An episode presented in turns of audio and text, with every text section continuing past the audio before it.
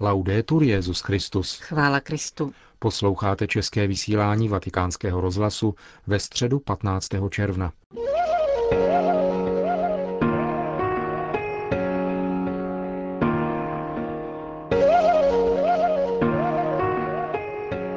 Na svatopetrském náměstí se dopoledne sešlo přibližně 20 tisíc lidí ke generální audienci svatého otce. Benedikt XVI. věnoval dnešní pokračování katechetického cyklu o modlitbě další starozákonní postavě, proroku Eliášovi.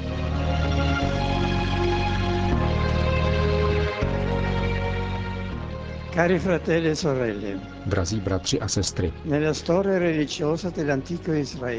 v náboženských dějinách Izraele měli velkou roli proroci, jejich učení a kázání. Mezi nimi vyčnívá postava Eliáše, kterého Bůh povolal, aby přivedl lid ke konverzi. Jeho jméno znamená Hospodin je můj Bůh. V souznění s tímto jménem se odvíjí jeho život, celé zasvěcený tomu, aby přiměl lid k uznání hospodina jakožto jediného boha. Sirachovec o Eliášovi píše, prorok Eliáš povstal jako oheň a jeho slovo plálo jak pochodeň. Pomocí tohoto plamene Izrael znovu nalezl svou cestu k Bohu. Ve své službě se Eliáš modlí, prosí pána, hospodina, aby vrátil život synovi vdovy, která jej hostila, Volá k Bohu, když je znaven a zmítán úzkostmi během svého útěku na poušť před královnou Jezabelou, která mu usiluje o život. Ale v plné moci se jeho přímluva ukazuje především na hoře Karmel, když před celým Izraelem prosí hospodina, aby se zjevil a obrátil srdce lidu. Tento příběh podává 18. kapitola první knihy královské, u níž se pozastavíme. Ocitáme se v severním království v 9. století před Kristem za časů krále Achaba, ve chvíli, kdy v Izraeli nastala situace otevřeného synkretismu. Vedle hospodina lid uctíval Bála, modlu, o nich se věřilo, že se sílá déšť a které byla přisuzována moc udělovat plodnost půdě a život lidem i zvířatům. Když se lid namlouval, že se přidržuje hospodina, neviditelného a tajemného boha, hledal jistotu také v pochopitelném a předvídatelném bůžkovi, o kterém se domníval, že může dát plodnost a prosperitu výměnou za oběti. Izrael podlehl svodům modloslužby, která věřícího bez ustání pokouší a měl za to, že může sloužit dvěma pánům a usnadnit si neschůdnou cestu víry ve všemohoucího tím, že vloží svou důvěru také v bezmocného bůžka vyrobeného lidmi. E Právě proto, aby Eliáš demaskoval podvodnou hloupost takovéhoto postoje, zhromáždil izraelský lid nahoře Karmel a postavil jej před nutnost volby. Jestliže hospodin je Bůh, jděte za ním. Jestliže bál, jděte za bálem. A prorok, nositel boží lásky, nenechává svůj lid s touto volbou o samotě, ale pomáhá mu, poskytne mu znamení, které zjeví pravdu. On i Bálovi proroci připraví zápalnou oběť a modlí se, aby se pravý Bůh ukázal tím, že odpoví se sláním ohně, který pohltí přichystanou oběť. Tak začíná střed mezi prorokem Eliášem a stoupenci Bála, ve skutečnosti však mezi Bohem Izraele, Bohem spásy a života a němým beztvarým bůžkem, který nemůže způsobit nic, ani dobro, ani zlo.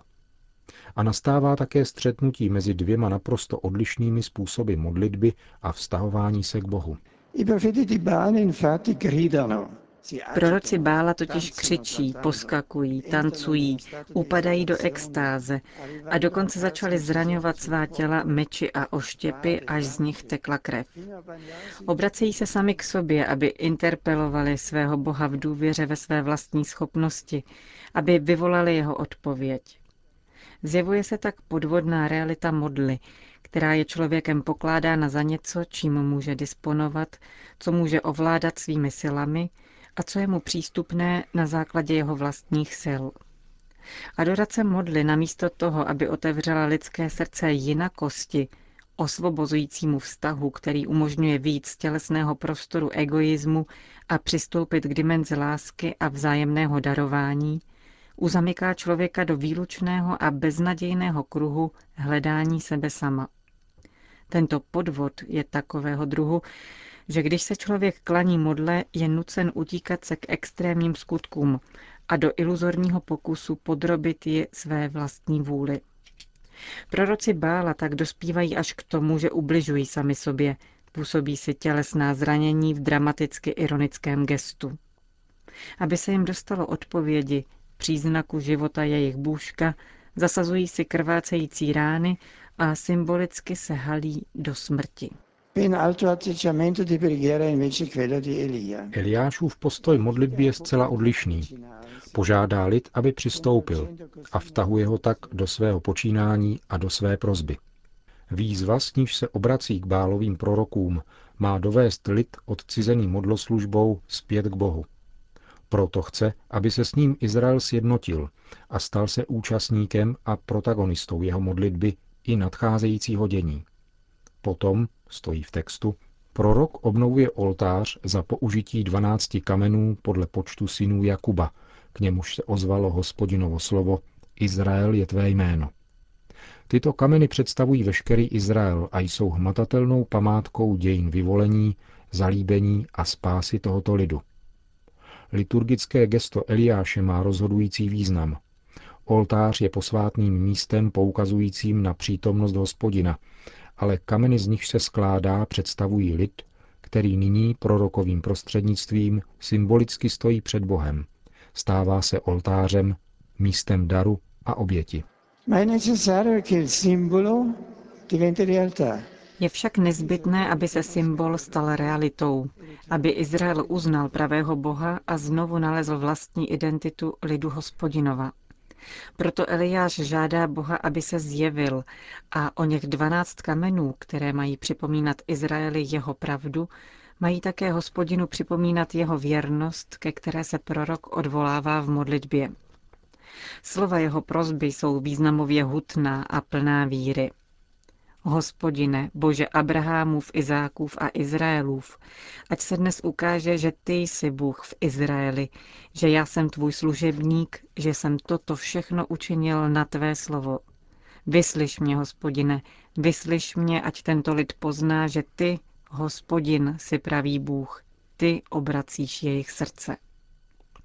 Eliáš se obrací k hospodinu jako k bohu otců a výslovně tak připomíná božské přísliby, dějiny vyvolení a smlouvy, která nerozlučně spojila hospodina a jeho lid. Zapojení Boha do dějin lidí je takové, že jeho jméno je neoddělitelně spojeno se jmény praotců a prorok vyslovuje toto svaté jméno, aby se Bůh rozpomněl a projevil svou věrnost, ale také, aby Izrael pocítil, že je volán jménem a nalezl tak svou věrnost. Božský titul vyslovený Eliášem je poněkud překvapivý. Na místo obvyklého užití formy Bůh Abrahamův, Izákův a Jakubův totiž používá méně obvyklé oslovení Bůh Abrahamův, Izákův a Izraelův. Záměna jména Jakuba za Izrael evokuje Jakubův zápas u potoka Jabok, po kterém dostává nové jméno, jak výslovně poznamenává svatopisec, a o kterém jsem mluvil v jedné z předešlých katechezí. Tato záměna nabývá v rámci Eliášovy modlitby pregnantního významu.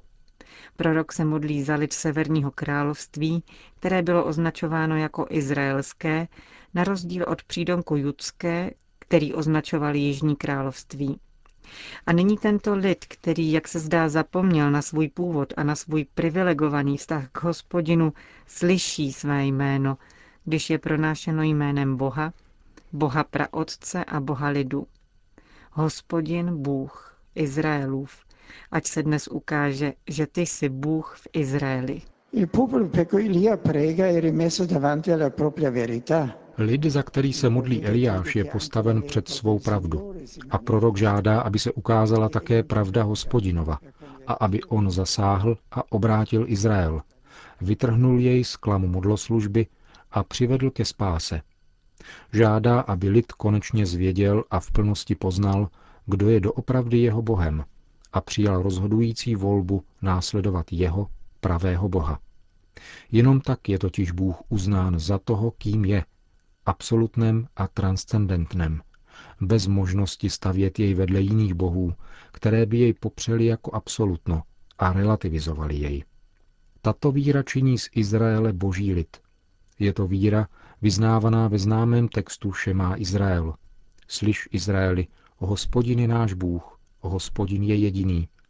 Miluj hospodina svého Boha celým srdcem, celou duší a celou svou silou. Na absolutno Boha má věřící odpovědět absolutní, naprostou láskou, která zapojí celý jeho život, jeho síly, jeho srdce.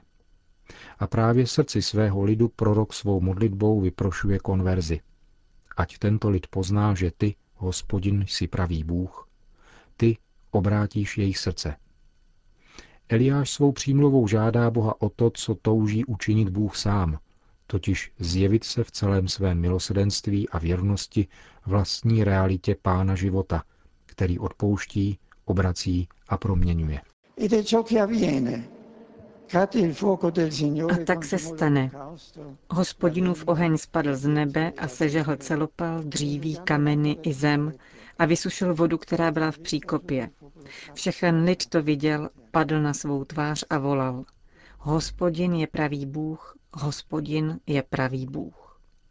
Oheň, tento prvek zároveň nezbytný a hrozný, spojený s božskými zjeveními hořícího keře a na Sinaji, nyní vyjadřuje lásku Boha, který odpovídá na modlitbu a zjevuje se svému lidu. Bál, němý a bezmocný Bůh, neodpověděl na prozby svých proroků. Hospodin však odpověděl, a to jednoznačně nejenom sežehnutím celopalu, ale dokonce i vysušením veškeré vody, která byla rozlita kolem oltáře. Izrael již nemůže mít pochyby. Božské milosrdenství vyšlo vstříc jeho slabosti, jeho pochybnostem, jeho nedostatku víry. Nyní je bál prázdná modla poražen a lid, který se zdál ztracen, opět nalezl cestu k pravdě a našel sebe sama. Drazí bratři a sestry, co nám říká tento dávný příběh? Co je na něm aktuálního? Jde především o otázku priority prvního přikázání. Klanět se jedině Bohu. Kde zmizí Bůh, upadá člověk do otroctví modloslužby, jak ukázali v naší době totalitní režimy a jak ukazují také různé druhy nihilismu, které člověka činí závislým na modlách a zotročují ho. Za druhé, primárním účelem modlitby je obrácení. Hospodinův oheň, který proměňuje naše srdce a uschopňuje nás vidět Boha a tak žít podle Boha a žít pro druhé. A za třetí, otcové nám říkají, že tento příběh proroka je také prorocký, poněvadž zobrazuje budoucího Krista. Je to etapa na cestě ke Kristu. Říkají nám, že tady vidíme pravý oheň Boží, lásku, která vede pána až na kříž, až k naprostému sebedarování.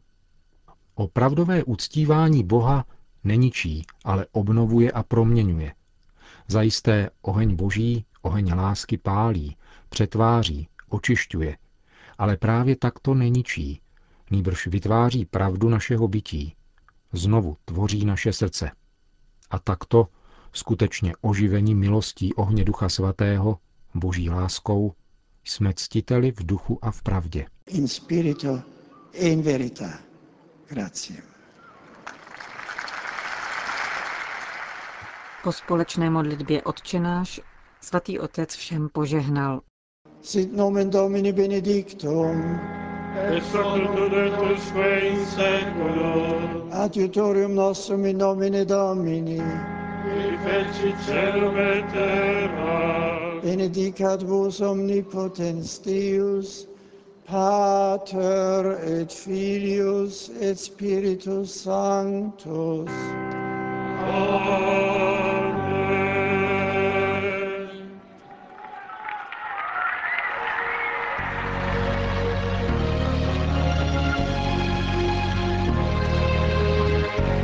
Končíme české vysílání vatikánského rozhlasu. Chvála Kristu. Laudetur Jezus Christus.